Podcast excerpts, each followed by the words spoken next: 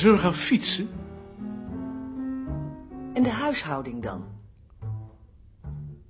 Ja. Waar had je dan naartoe willen fietsen? Naar het Alkmaardermeer?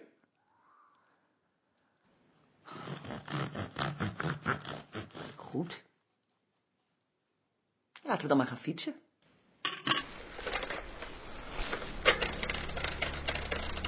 Ze fietsten de stad uit in de richting van de Hembrugpont. Er zat verandering in de lucht. Het was heilig en koeler dan de voorafgaande dagen. Ter hoogte van de elektriciteitscentrale zag hij in het water dat naar de centrale stroomde een jonge ekster wanhopig opfladderen. Een tweede ekster zat op de brugleuning te krijsen. Een ekster! Het arme beest! Hij reed het taluut langs het kanaal op tot vlak bij de ekster, liet zijn fiets vallen, haalde een plastic jas uit de tas en probeerde daarmee vanaf de kant het dier te bereiken. Maar het werkte zich verder naar het midden en werd daar door de stroom meegevoerd.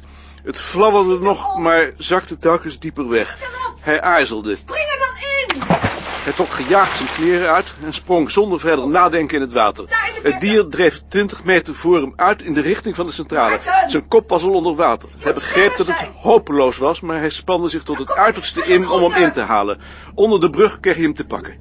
Hij bewoog niet meer. Toen hij probeerde met één hand te zwemmen, de extra in de andere, hoog boven het water, voelde hij de kracht van de stroom die hem naar de centrale trok. Uitgeput liet hij de extra los en klemde zich met beide handen vast aan een pijler met zijn voeten houvast zoekend tegen het beton. Waar ben je? Ik word meegesleurd! Heb je hem? Ik word meegesleurd! Waar ben je? Wat moet ik doen? Omlopen! Wat moet ik doen? Waar is de? Nu is dood! Waarom kan je dan niet hier naartoe? Omdat ik dat niet kan! Moet ik dan hulp halen? Nee, geen hulp halen! Hij matte afstand met zijn blik, zette zijn voeten tegen de pijler, duwde zich met kracht af en bereikte een paar meter verder stroomafwaarts de betonnen schoeiing, waar hij zich vervolgens met moeite tegenop hees.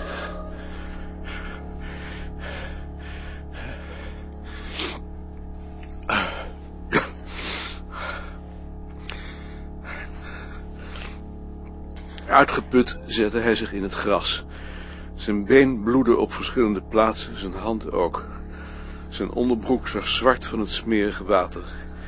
Tyfus, ziekte van Weil, hepatitis, tetanus. Hij overdacht wat hij allemaal kon krijgen. In deze maar. Hij trok zijn onderbroek uit en droogde zich met haar trui.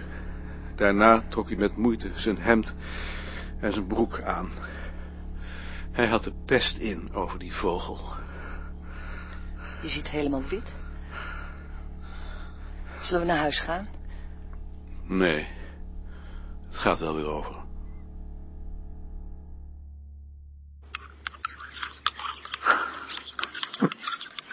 Waarom lach je?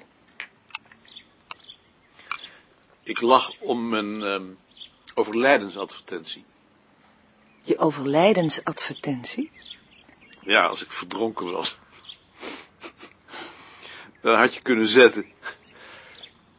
Bij het redden van een vogel kwam hij om. Zo was zijn leven.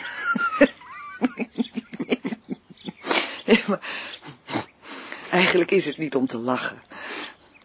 Die arme vogel.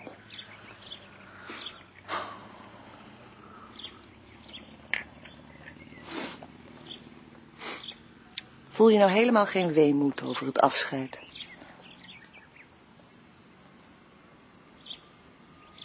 Nee, Maar je vindt het toch aardige mensen? ik vind het wel aardige mensen. Maar ik voel geen weemoed. Wat ben je toch een gekke man? Ik ben er zelfs al nostalgisch over. Misschien komt dat nog. Denk dat ik gewoon geen fantasie heb.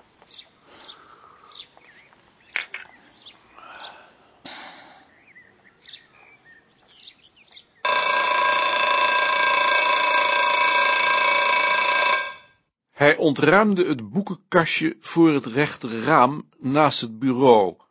planten eraf, boeken eruit en schroefde het deurtje los dat hij aan de open achterkant had bevestigd, omdat de katten daar aan de boeken krabden. Nicolien had het kleine bureautje dat hij op zijn vijftiende van zijn ouders had gekregen, in gebruik genomen nu hij niet meer werkte. Ze wilde het deurtje dat oorspronkelijk van dat bureautje was geweest, terug. Hij bekeek de schroefgaten en zag dat het hout dwars door de gaten gespleten was. Dat was de reden dat hij het inderdaad uit het bureautje had gehaald. Gezeten op de hoek van het bed van Nicolien bekeek hij het probleem, stelde vast dat de vleugels van de scharnieren ook aan de buitenkant konden worden bevestigd en schroefde de deur vast. Vervolgens keerde hij terug naar de boekenkast. Hij zocht in het hok een plank die de deur kon vervangen en vond er twee die samen precies pasten, waardoor de achterkant hermetisch gesloten werd en het kastje bovendien een beter verband kreeg. Prachtig. Hij sleepte gereedschap aan, liep de deur weer uit om bij Gunther en Meuser stoelhaken te kopen, bedacht bijtijds dat het telefoontoestel in de boekenkast moest staan en was tegen half drie klaar, tevreden met het resultaat. Maar kan ik nu nog wel bij de planten? Probeer maar. Ze werkte zich tussen het kastje en de vensterbank en probeerde of ze plaats genoeg had om de geraniums vanuit die positie water te geven. Hij schoof nog wat en toen stond het ook volgens haar op zijn plaats. Omdat het toch nog wat wiebelde, schoof hij er een paar stukjes triplex onder en zette het tegen de vensterbank vast met een plank die hij er al eerder had aangebracht voor een extra plant. Hij zette de boeken en planten weer op hun plaats en ruimde het gereedschap op. Nadat hij bovendien nog het slot van de fiets van Nicolien had geolied, vond hij het voor die dag wel genoeg geweest. Nee, het is veel nauwer geworden. Dat kan niet. Ik heb je er toch bij gehaald? Nou, toch is het veel nauwer geworden. Maar de plank past precies, net zoals vroeger. Kan toch niet? Als ik zeg dat het nauwer is geworden, dan is het nauwer geworden. Kijk dan, hier, hier. Ik kan niet eens, ik kan, ik kan er toch niet tussen zonder die plant te raken? En als hij straks een knop heeft, dan, dan gaat het eraf. Hij is veel nauwer geworden. Maar we hebben het uitgemeten. Nou, dan ligt het zeker aan die planken die je hebt aangebracht, maar hij is nauwer geworden. Dat kan niet. Daar zitten je benen. Dan kan het niet nauwer zijn. Wou je soms zeggen dat ik lieg? Ik lieg niet. Wou je dat soms beweren? Ik zal het wat naar voren zetten. Dat hoef je niet zo slachtofferig te zeggen. Ik kan het niet helpen dat jij het verkeerd hebt gedaan. Hij gaf geen antwoord. Volgens hem had hij het niet verkeerd gedaan, maar het was zinloos daarover te discussiëren. Hij haalde de planten er weer af en verschoof het kastje. De plank die tussen het kastje en de vensterbank klem zat, viel naar beneden. Hij schoof de houtjes waarop deze op het kastje rustte en die hij met twee schroefhaken had vastgezet wat verder naar de rand, maar daardoor kwam het niet klem te zitten en dat had het kastje nodig om niet te wiebelen. Hij bekeek het plankje, zag dat het wat langer was wanneer hij het een kwartslag draaide, probeerde het zo en, verdomd, het klemde. Tevreden bevestigde hij het in de nieuwe stand en zette de planten terug. Mm, Ja, zo kan het wel, geloof ik. Maar ik kan niet meer bij de papyrus. Kijk maar, hoe, hoe moet ik nou bij de papyrus? Dat komt omdat het kastje naar voren is geschoven. Dus ik kan niet meer bij de papyrus. Dan moeten we het weer wat dichter naar het raam schuiven. Maar dan kan ik niet meer bij de geraniums. Waarom heb jij het in godsnaam veranderd?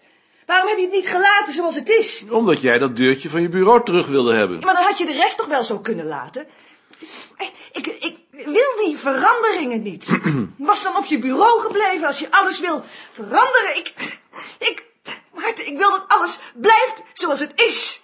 Ik wil in mijn eigen huisje wonen. Ik was, ja, ik was zo gelukkig in mijn eentje. Maar waarom moet dan ineens alles veranderd worden? Waarom kan het gewoon niet zo blijven? Maar er is niets veranderd. Ik heb de ene plank vervangen door de andere. Maar en nu kan ik er ineens niet meer achter. Om, omdat ik vannacht ineens veel dikker ben geworden? Toevallig ben ik vannacht veel dikker geworden. Net nu jij die plank hebt aangebracht. En nu kan ik niet meer bij mijn planten, die, die lieve planten. Nu gaan ze dood omdat ik ze geen water meer kan geven. Ik, ik kan toch niet, ik kan het toch niet elke keer aan jou vragen?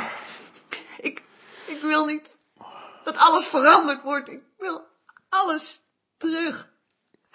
Zoals het was. Precies zoals het was. Ik, ik was gelukkig. Ik hoef geen veranderingen. Ik hoef geen veranderingen. Hij haalde de planten weer van het kastje en schoof het een eindje de kamer in, een beetje scheef, zodat de opening aan de kant van de ramen wat groter was. Maar hij betwijfelde of het zou helpen. Als ze in haar hoofd gezet had dat het veranderd was, kwam het nooit meer goed. Waarom is de ruimte bij de papieren zo groot geworden? Ik heb het kastje wat naar voren gehaald.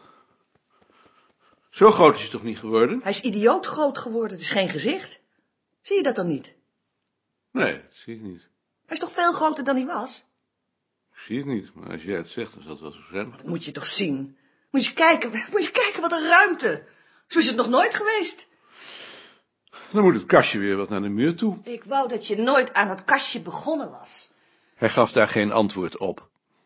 Zodra ze de kamer uit was, zette hij de planten er weer af en schoof het kastje wat verder de hoek in, zoals het al eerder gestaan had. Maar het verschil was zo miniem dat hij twijfelde aan het effect. Het kon hem ook niet meer schelen. Hij was gedeprimeerd geraakt. Hij ging op de divan zitten. Doris kwam naast hem. Goofy sprong erbij en legde zijn kop tegen Doris aan en snorde zachtjes, terwijl Doris hem begon te likken. Ik ga boodschappen doen. Hoe laat is het? Kwart voor vijf. Ga je ook de krant halen? Ja?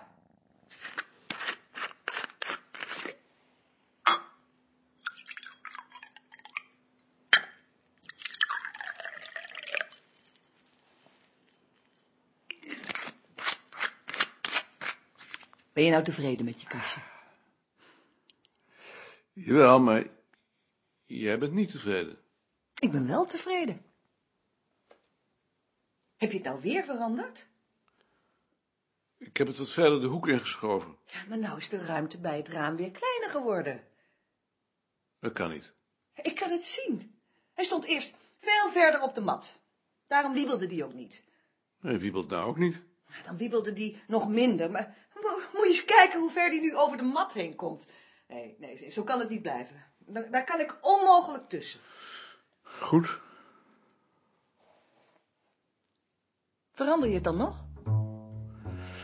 Ik zal het veranderen. Wanneer dan? Morgen ben je weg en ik moet toch bij de planten komen?